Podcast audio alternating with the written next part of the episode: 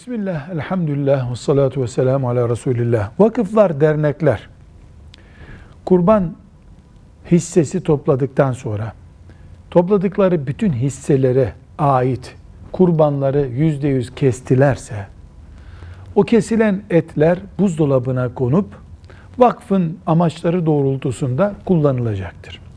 Bu esnada daha ekonomik, daha uzun süreli kullanım olur şeklinde o etlerden sucuk vesaire yaptırırlarsa bunda bir sakınca olur mu? Bunda bir sakınca olmaz. Neden? Önemli olan kullanılan etlerin daha yararlı kullanılmasını sağlamaktır.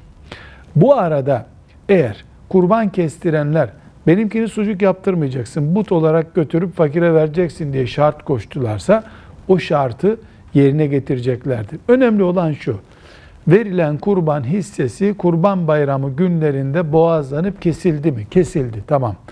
Ee, kurban kestirenin özel bir şartı var mı? Bunu but olarak fakire vereceksin? Yok. O zaman kalan etlerden sucuk da yaptırılabilir, pastırma da yaptırılabilir. Yeter ki fakirin, kurbandan istifade edecek olanların lehine bir durum olsun. Velhamdülillahi Rabbil Alemin.